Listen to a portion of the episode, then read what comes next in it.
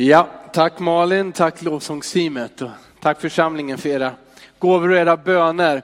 Eh, underbart att stå här och för predika för er och jag har valt en titel Galen kärlek till Jesus. Galen, tänkte Vi sjöng faktiskt reckless love, det är ännu värre ord. Det är vårdslös. Eh, jag, men jag blir lite så här så jag reagerar på vad då vårdslös kärlek och galen kärlek. Det tycker jag inte heller riktigt om, men jag tycker att det passar så bra till den berättelse som vi ska läsa i Markus kapitel 14 alldeles strax. Om en kvinna som visar en kärlek som utav omgivningen betraktas som galen och lite vårdslös. Eh, det här är, nu har vi ju, här har vi ju precis firat påsk, men i, i den här serien ur Markus evangeliet då, så är vi tillbaka i påskveckan. Tillbaka på onsdag i påskveckan. Och eh, vi ser hur eh, det religiösa ledarskapet planerar att med list gripa Jesus, arrestera honom. Och de har redan sedan längre tid tillbaka, ungefär, i alla fall minst ett halvår tillbaka, uttalat, vi, ska, vi måste göra oss av med honom. Han måste dö. Det, det var efter att Jesus hade uppväckt Lazarus från de döda. Det var bara för mycket. En gubbe som går omkring och uppväcker de döda, det kan vi inte ha. Eh, och, eh, men det här är onsdagen i den här veckan och vi ska läsa från Markus 14. Nu är det så här att Markus nu, han har sin berättarstil Eh, och jag vill jämföra den med en hamburgare. Du vet bröd, kött och bröd. Så att han berättar någonting, det är den första brödbiten. Och så återkommer han till den och det har allt ett sammanhang, den andra brödbiten. Men så mitt emellan där så slänger han in lite kött. Någonting annat att tugga på. Och det sker i den här, när vi läser Markus 14, vers 1 till 11. Och för att göra det ännu tydligare så kommer jag läsa vers 1 och 2 och hoppa till 10 och 9 och se att det är brödbitarna, det hänger samman. Och sen går vi tillbaka och så ska vi fokusera på det som är däremellan, vers 3 till 9. Så att då läser vi Guds ord, Markus 14 och 1. Det var nu två dagar till påsken och det osyrade brödets högtid. Översteprästerna och de skriftlärde sökte efter ett sätt att gripa Jesus med list och döda honom. Men de sa, inte under högtiden, då kan det bli upplopp bland folket.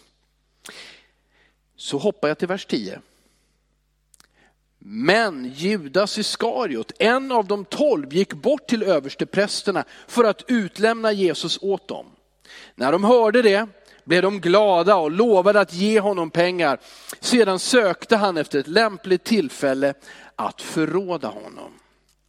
Så innan jag nu läser resten av berättelsen så eh, vill jag säga någonting om kronologin här. För samma berättelse finns i eh, Johannes eh, kapitel 12. Och då kommer det inte stå att det var två dagar före påsk, utan då är det sex dagar före påsk. Och då, då får jag redan lite bekymmer där. Alltså det, då är det lördag innan palmsöndagen som vi ska läsa om. Eh, men detta, är, jag tror att det är så här att Markus, han vill betona någonting här. Vi har sett de hatiska människorna, översteprästerna och de skriftlärda. Vi har sett den besvikne Judas, också den pengagirige Judas. Och han säljer sin mästare för 30 silverpengar som det står i Matteus evangeliet. Han går och säger, de säger det är för farligt att gripa Jesus nu. Och vad menar de? Jo, Jerusalems befolkning var minst fem gånger så stor under påsken. Och påsken och det osyrade brödets högtid, som är två högtider som hängde ihop, var totalt åtta dagar. Och de säger det är för mycket folk, vi kan inte gripa en sån populär man som Jesus. Vi väntar till efter högtiden när de har lämnat Jerusalem. Men så dyker den där gyllene chansen upp som de inte kan motstå. Judas, en av Jesu egna lärjungar kommer och säger, jag vill hjälpa er. När människomassorna inte är där. Jag ska tala om vad han är så att ni kan gripa honom. Och det hade ju pålyst, och det här står också i Johannes evangeliet att man sa, den som, den som kan berätta var Jesus är, gör det så att vi kan ta honom. Men alltså inte när folket är där. Och så har du den kontrasten, men jag tror att Markus vill också visa när han sätter ihop evangeliet, han återberättar evangeliet, men gör en liten tillbakablick på fyra dagar tidigare. För att visa att det är inte så. Alla är inte emot Jesus. Alla hatar honom inte och vill döda honom. Låt mig berätta för er om en kvinna som visade en sån kärlek att den kärleken kan kallas för galen. Riskant, oblyg, ogenerad. Mitt ibland alla andra. Vi läser Markus 14, vers 3-9. När Jesus var i Betania och låg till bords i Simon den spetälskes hus kom en kvinna som hade en alabasterflaska med dyrbar äkta nardusolja. Hon bröt upp flaskan och hällde ut oljan över hans huvud. Några blev upprörda och sa till varandra, varför detta slöseri med oljan? Den kunde man ha sålt för mer än 300 denarer och gett till de fattiga. Och de grälade på henne. Men Jesus sa, låt henne vara. Varför besvärar ni henne? Hon har gjort en god gärning mot mig. De fattiga har ni alltid hos er och ni kan göra gott mot dem när ni vill. Men mig har ni inte alltid. Hon har gjort vad hon kunde. Hon har i förväg smort min kropp för begravningen. Jag säger det sanningen, överallt i hela världen där evangeliet förkunnas ska man också berätta vad hon gjorde och komma ihåg henne. Det är en sån vacker berättelse. Det är även det Jesus säger när han säger att hon har gjort en god gärning. Det finns två grekiska ord. Det ena betyder alltså etiskt god, det här är rätt att göra. Men Markus använder, eller Jesu, i Jesu mun kommer det andra ordet. Hon har gjort en god gärning, hon har gjort en vacker gärning. Hon har gjort någonting vackert mot mig, någonting skönt, någonting gott. Så å ena sidan har du hatet, och å andra sidan har du de som älskar. Och där har du den där hamburgaren när Markus presenterar Jesus. Innan vi går vidare så låt mig ställa den här kanske största frågan av alla. Älskar du Jesus? Och jag förstår att många av er som är här älskar Jesus. Jag förstår också att några av er ännu inte säger, nej men jag tror ännu inte eller jag vill veta mer. Eh, det är därför jag är här. Att älska det är lite för långt men jag vill ändå vända mig till dig som bekänner en tro på Jesus. För älskar du Jesus? Eller ska jag säga så här, hur mycket älskar du och jag Jesus? Hur mycket? Vad är det ons värt? Ställa det med udd, lite med udd. Älskar du honom så mycket som du borde? Älskar du Jesus så mycket som du kan? Går det att mäta kärleken? Den här berättelsen har mycket att säga om kärleken till Jesus. Men kärlek i Bibeln, det är inte någonting som främst uttrycks i känslor. Det är inte den kärleken Bibeln beskriver. Den kärlek Bibeln beskriver uttrycks alltid i handling. Ett, man gör någonting, man ger kärlek. Alltså det är inte som en film, inte heller som en konsert där ljussättningen är det viktiga och, och, den allmänna atmosfären och den, den passande musiken. Du vet, du vet ju hur filmer är, du vet hur konserter är uppbyggda. De ska väcka känslor, det blir intensivt. Vi känner mer än vi kände innan filmen eller konserten. Och det har med musiken att göra, det har med anslaget att göra, det har med ljussättning och sånt att göra. Men det är inte den typen av kärlek som Bibeln talar om. Utan om givande kärlek som uttrycks i handling. Så det här är en berättelse om en djup, djup kärlek. En oblyg kärlek, en galen kärlek.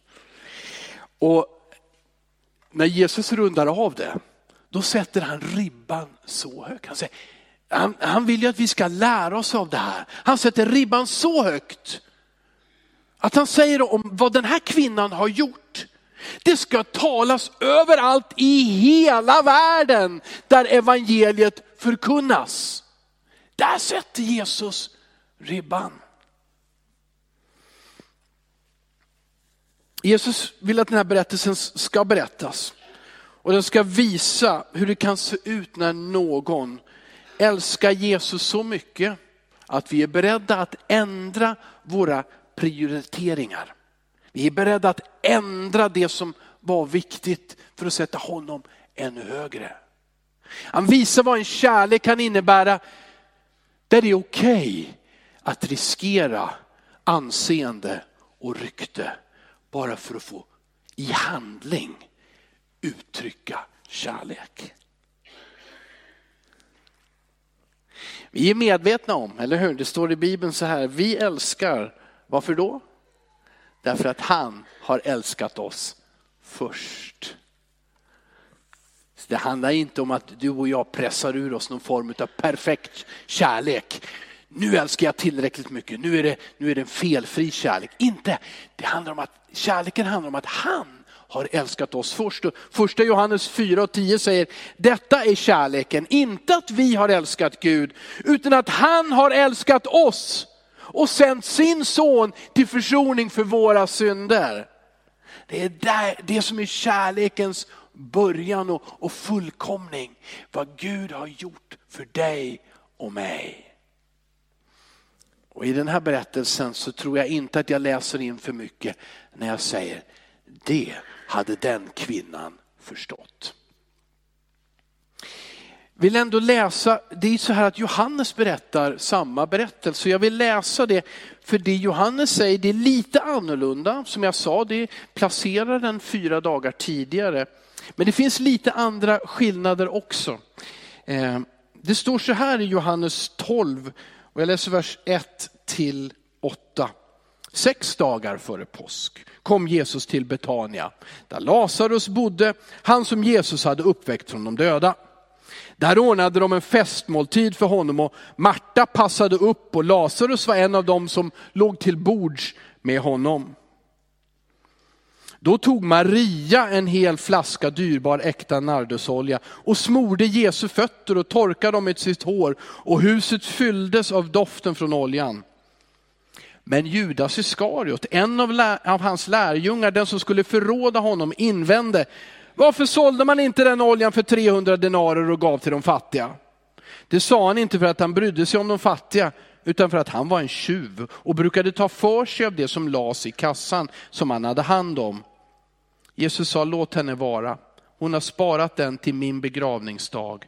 De fattiga har ni inte alltid bland er, men mig, de fattiga har ni alltid bland er, men mig har ni inte alltid. Så Johannes berättar om flera personers namn. Markus berättar att det var inte i Lazarus hus utan det var i Simons hus. Men Lazarus var där och Marta var där. Marta, det står att hon, hon serverade. Vi känner igen Marta, kommer ni ihåg en annan berättelse om Marta? Ja då, Maria och Marta fick Jesus på besök och Maria satte sig och lyssnade till Jesus. Och Marta hon skulle göra huset rent för Jesus. Hon var fortfarande likadan. Nu serverade hon för alla som var där. det här var Marta. Du kanske känner igen dig. Det är, det är svårt att bromsa sig ibland där att det här vill jag göra för Gud och det här vill jag göra för mina medmänniskor. Och det här vill jag göra. Och, och Carl Wilhelm har ju precis sagt att, att kärlek uttrycks i handling. Men ändå så är det så att vid första tillfället så säger Jesus, för Marta börjar ju kritisera, börjar kritisera Maria. Hon då? Hon gör ju ingenting. Säg åt henne att göra någonting. Jesus säger, ska inte ta ifrån henne det som hon har valt. Det är det högsta. Det här är tillfället Marta, att lyssna till mina ord och det har Maria valt. Och vid det här tillfället senare, när lärjungarna, ja faktiskt anförda av Judas, kritiserar kvinnan för att hon har slösat kostbar parfym på, liksom på Jesus. Det här var ju överdrivet, jag ska förklara senare varför det var så överdrivet. Men de säger, det hade, de, det hade man kunnat sålt och ge till de fattiga. Och Jesus säger, det är bra. De fattiga, de har ni alltid hos er. Ge till de fattiga, hjälp de fattiga. Men förstår ni inte? Den här kvinnan, hon har förstått att jag finns inte kvar länge hos er. Hon har gripit tillfället och uttrycka all den där kärleken som hon har inom sig. Och det ska, ska se om jag kan komma in på lite av detaljerna i den här berättelsen. Men jag, måste, jag bör också nämna, så att förvirringen blir total nu då. Det finns, fanns en annan Simon som också hade ett hus. Det berättas om honom i Lukas evangeliet. Han var en farisé. Och det berättas att när Jesus var hemma hos honom, då kom en synderska, vilket antingen var en icke-jude, en hedning eller troligen en prostituerad. Och hon, och det här är en, en, en tidigare i Jesu tjänstoliv, det här är ett eller två år tidigare. Hon bröt också en sån här parfymflaska och tvättade Jesus med den och med sina tårar och torka. Och... Men det här är två, det är två olika berättelser. Markus, Matteus och Johannes berättar om en och samma tillfälle där en av Jesus sista dagar. Men en gång tidigare hade det skett något liknande. Och då hade Jesus talat om kärleken som den kvinnan hade. Simon den spetels, nej förlåt, Simon farisén, han kritiserade Jesus. Hur kan Jesus sen låta, låta en sån kvinna komma nära honom? Men Jesus betonar och pekar på kärleken som dessa kvinnor hade till Jesus. Synderskan då och sen ett eller två år senare Maria, syster till Marta och Lazarus. Jag vill säga några saker om kärleken som jag tror att Jesus och Bibeln vill lära oss här. En djup kärlek för Jesus den uttrycks i tillbedjan. Eller den, den, den leder till tillbedjan. En djup kärlek till Jesus. Det var, det var brukligt, alltså man, man duschar ju inte, vi, en del av er duschar väl varje dag, gör ni? Ska vi ta handuppräckning? Nej, vi tar inte det. Vi duschar ju och tvålar oss förskräckligt mycket, eller hur? Och parfymerar oss rätt så mycket. Se upp för alla allergiker. Vräk inte på på söndag morgon, okej? Okay? Det finns de som har allergi mot starka parfymer. Men vi, vi, så är ju vi. Eh, men så var det inte riktigt på den tiden. Det var ett enklare och annorlunda liv. Så när man hade gäster som kom hem, då kunde det hända att de både var lite smutsiga och doftade lite speciellt. Så då var det så här att då, då, någon i huset tvättade gästens fötter. Och ofta så tog man just parfym. Man tog en droppe av en dyrbar, man blandade ut den i vatten och så kunde man smörja den på huvudet. För sen så var det ju så att man låg till bords, och det läser ju de, de låg till bords och då ligger man väldigt nära varandra. Ja, och då blev det liksom lite angenämare dofter. Genom parfymen, genom de tvätt, nytvättade fötterna. Eh, så där var det. Men Maria, hon gör någonting helt annat. Hon håller liksom inte tillbaka. Det här är tillbedjan. Det står i Psaltaren 23, kommer ni ihåg? Herre, du som är min herde, du smörjer mitt huvud med olja och låter min bägare flöda över. Det här är, det här är, det här är mer. Kommer ni ihåg den här salmen 133? Den brukar de flesta skratta åt när de läser. Den talar nämligen om bröder som lever i enhet med varandra. Kommer ni ihåg den bilden? Är det några som har läst Bibeln? Se hur gott och ljuvligt det är när bröder bor enigt tillsammans. Det är som när den fina oljan på huvudet rinner ner över skägget, över Arons skägg och ner över kragen på hans dräkt. Eller hur? De flesta av er tycker, oh, det var väldigt mycket olja där. Eh, men det är ett uttryck för, för denna enhet, hur fint och vackert det är när människor är enade tillsammans i kärlek. Och den här kvinnan, hon bryter denna flaska. Hon häller detta över Jesu huvud, skriver Markus. Och, och Johannes säger att det är över, över, över fötterna, över kroppen. Hon smörjer honom med den, med denna balsam. Och hon håller inte tillbaka. Inte en droppe, lite utblandat, utan allting. Och det här är kärlek till Jesus leder till tillbedjan. Tillbedjan av vem Gud är. Vem han är och vad han har gjort för oss. Marias hjärta exploderar av kärlek och tacksamhet. Vi ser också att en djup kärlek för Jesus går långt utöver det vanliga, eller hur? Inte konstigt. Det står att det här var dyrbar äkta nardusolja. Den tas utvinns utav en rot, träd som växer vid Himalaya, Indien. Det transporterades långa vägar och därför de höga kostnaderna. Det står att de Judas och de andra sa att den här flaskan var, var värd mer än 300 denarer. Andra tillfällen så läser vi att en denar, det var dagslönen för en heltidsarbetare. Så lite mer än 300 dagar, ja, okej, minus de där 52 sabbaterna om året, ja, det blir där. Det var alltså en dagslön för en genomsnittsarbetare. Vid ett annat tillfälle så berättar ju, kommer ni ihåg att Jesus säger till lärjungarna, nu ska ni ge mat till människor. Då räknade de 5 000 gubbar och sen så var det kvinnor och barn också. Så det kanske var 20 000. Och då står det, just i Markus evangeliet, de säger till Jesus, vi har 200 denarer, räcker det för att ge mat till 20 000 människor?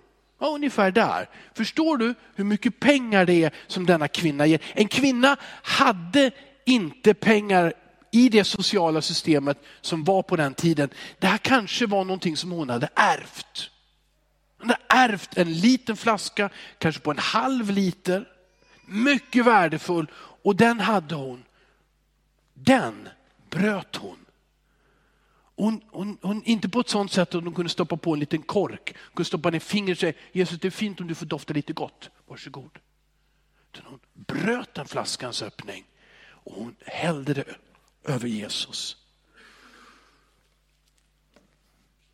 Jag tror att vi lugnt kan säga att Maria gav det allra bästa, det allra mest värdefullaste hon hade. Hon gav. Inte av sitt överflöd. Hon gav av kärlek det hon hade och kunde. Och sån är kärleken till Jesus. Den är utöver det vanliga. Inte konstigt att vi kan kalla det för galen kärlek, eller hur? Den här kärleken räknar inte vad har jag kvar? Utan den tänker, hur mycket kan jag ge? Det här är matematik som vi behöver ta till oss. Inte vad har jag kvar när jag har hjälpt de fattiga, gett till församlingen och gett till Jesus. Utan hur mycket kan jag ge?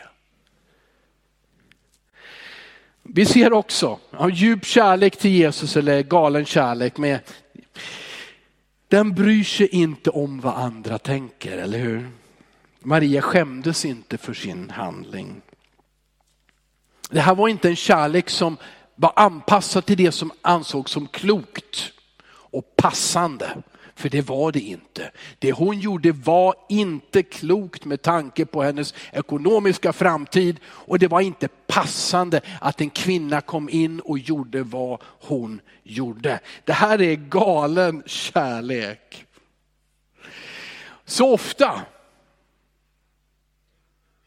så begränsar vi oss av sammanhanget som vi är i. Vad ska människor tycka? Vad ska de tänka? Vad ska min familj säga om jag älskar Jesus så mycket? Är det passande att visa så här mycket kärlek? Men vem var han? Vem var han som satt i Simon den spetälskes hus? Förresten, Simon den spetälske hette han. Det var otäckt. Ni vet, det var den där obotliga sjukdomen. Där ingen människa fick komma nära. Jag tänker att det är så här. Simon hade blivit frisk ifrån en obotlig sjukdom. Vem gjorde människor friska från obotliga sjukdomar? Han heter Jesus. Jesus hade helat honom. Vid det där bordet sitter Lazarus. Ett halvår tidigare hade Lazarus blivit begravd, för han hade dött. Och, och hans syster hade ställt fest, han luktar redan Jesus, han har varit död i flera dagar. Han hade blivit uppväckt. Vid det här bordet satt lärjungarna. Och Maria bara älskar denne frälsare. Den är räddare, den är som väcker upp de döda, den som helar den obotligt sjuke, den skamfulle spetälske och återinför honom i gemenskapen. Hon bara älskar denna Jesus och måste få visa det där och då, oavsett vad de andra tänker. Oavsett vad de andra tänker. Vilken kärlek ger du uttryck för när du vaknar? Vilken tacksamhet visar du och jag när vi går och lägger oss? Vem är han? Vem är han? Är han värd vår första tanke?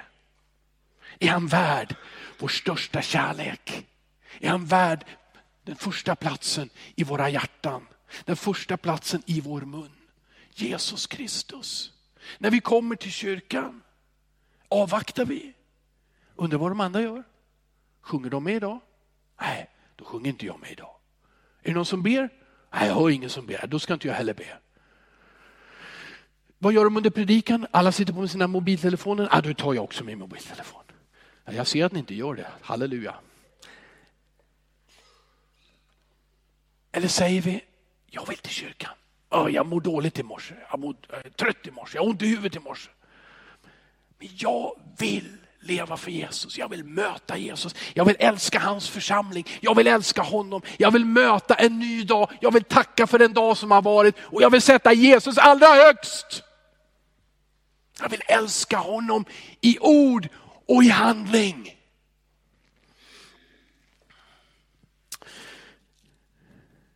Den anpassade tillbedjan. Vilken sång föredrar du? Den nya sången eller den gamla sången? Den korta sången eller den långa sången? Vad behöver du för att vara med i lovsången? Eller behöver du bara ett?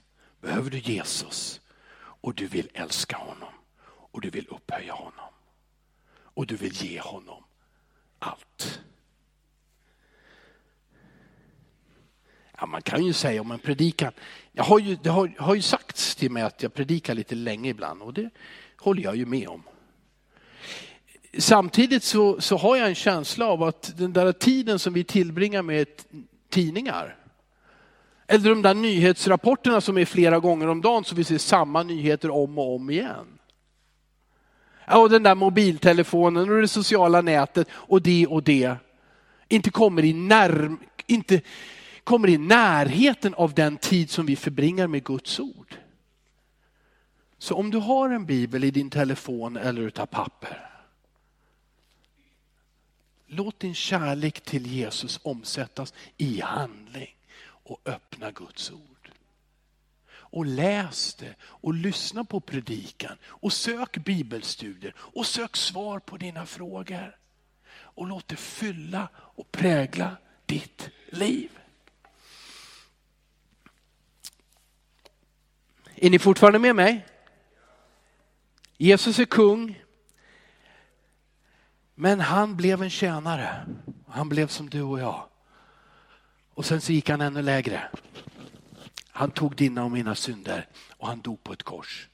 Jesus är kung, men han blev en tjänare för din och min skull.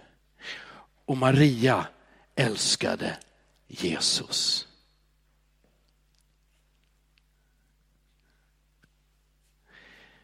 Hon blev kritiserad.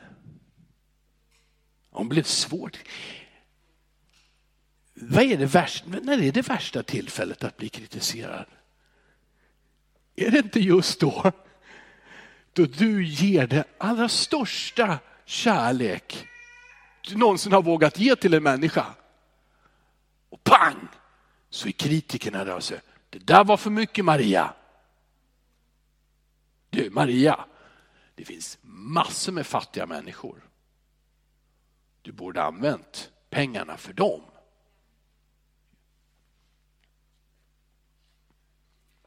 Jesus försvarar henne. Det står att de grälar på henne. Men Jesus försvarar henne och säger, hon har valt det goda. Så vem ska försvara dig och mig? Människorna eller Jesus? Jag måste ändå säga så här, i vår tid där allting ska vara noll, ingen ska mobbas, ingen ska skadas, ingen ska dödas och vi sätter upp massa ribbor som är helt ouppnåeliga för oss människor på jorden. Det kommer aldrig bli så att ingen dör i trafiken. Det kommer aldrig bli så på en skola att ingen mobbas eller på en arbetsplats att någon fryses ut. Det kommer inte bli så, för synden finns i systemet, i oss människor. Och det är faktiskt så att Jesus skonade inte Maria från de kalla och hårda rösterna.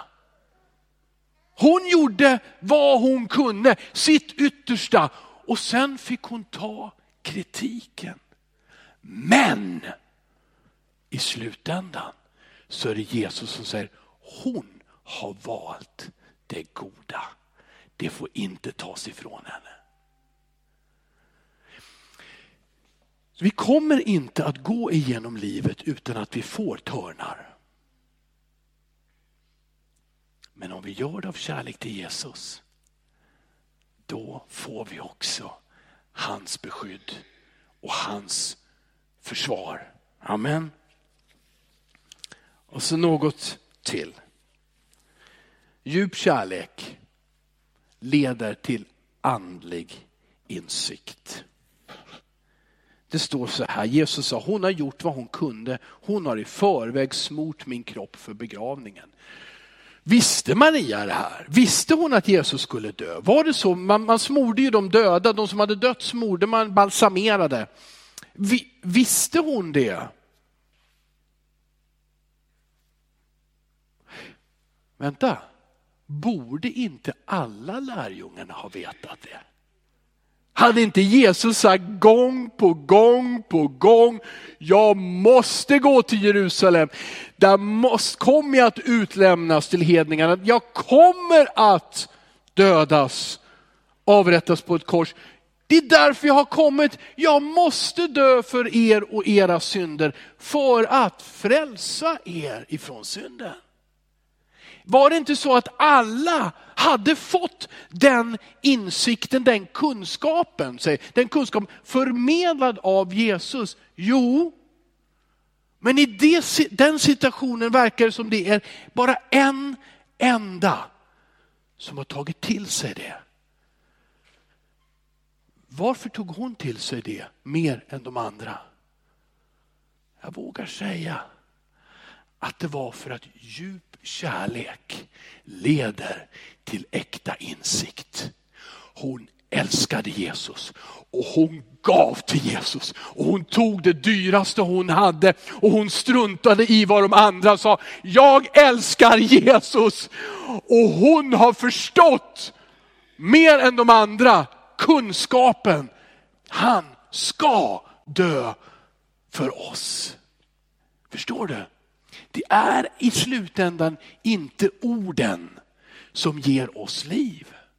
Det är inte kunskap, ett register och jag kan många saker utan till som ger oss en relation med Jesus.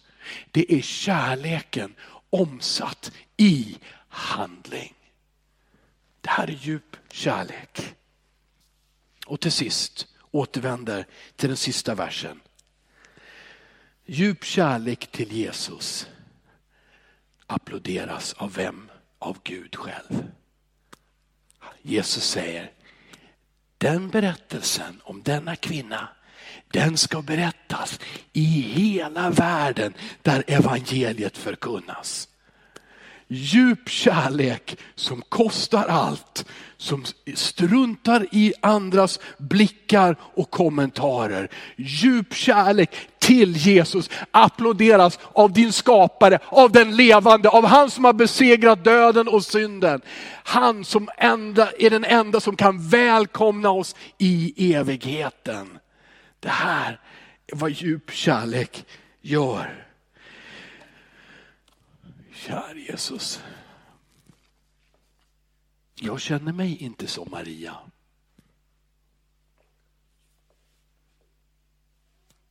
Men jag kan bestämma mig. Jag vill ge till Jesus. Du och jag behöver inte vara uppfyllda av fantastiska känslor för Jesus idag. Men vi kan bestämma oss vi kan vakna till en ny morgon, gå till arbetet eller gudstjänsten och vi kan välja mellan och säga, kommer det här ge mig någonting idag? Vad får jag ut av det här? Och är det det som är vår inställning till arbete, församling, andra saker, då är det garanterat att vi kommer att bli besvikna förr eller senare. Men om vi säger Jesus, kan jag älska dig? Kan jag ge kärlek till en medmänniska? Kan jag hjälpa en fattig? Kan jag ge mitt uttryck i tillbedjan till dig? Lite mer, lite högre, lite bättre. Då vill jag göra det idag. Du och jag kan bestämma oss för att älska Jesus med en djup kärlek. Och nu ska jag inte gå in på nattvarden men jag vill ändå bara nämna det. Att vi ska fira nattvard alldeles strax. Och den bygger inte på att, oh jag känner mig så förlåten och ren. Jag har haft en så bra vecka. Den bygger, åh oh, vad härligt. Jag ser Jesus. Du kanske inte alls ser Jesus. Kanske inte alls känner. Men du vet, han har dött för dig och mig. Han har älskat först. Han har uppstått och är vår frälsare. Han har sagt, kom fira måltid till minne av mig och vad jag har gjort för er. Vi kan uttrycka vår kärlek i nattvard, i bön, i den personliga bönen, i lovsången. Och du kan bestämma dig idag för, jag ska inte göra det lite lagom. Vi får se vad det ger. Du kan idag bestämma dig, jag vill ge allt. Även om min kärlek är galen i människors ögon. Amen. Amen. Fader i himlen, jag ber om nåd att du välsignar oss med din närvaro. Och det gör du. Jag ber om nåd att du väcker oss Herre. Att du inte aldrig någonsin vill föra oss in i ett dåligt samvete, i ett dåligt läge, utan du vill visa oss hur mycket du älskar oss. Du vill lyfta vår blick, Herre, från det tunga och det svåra i livet till dig. För du vill visa oss hur du ska ta oss genom dagen, genom vardagen med oss, Herre. Jag tackar dig för din oerhörda kärlek. Och vi vill så gott vi kan bara öppna våra hjärtan. Ge dig vår kärlek, ge dig vår sång. Ge dig vårt liv och allt vi har. Herre, Herre, möt oss nu, jag ber dig i Jesu namn. Amen.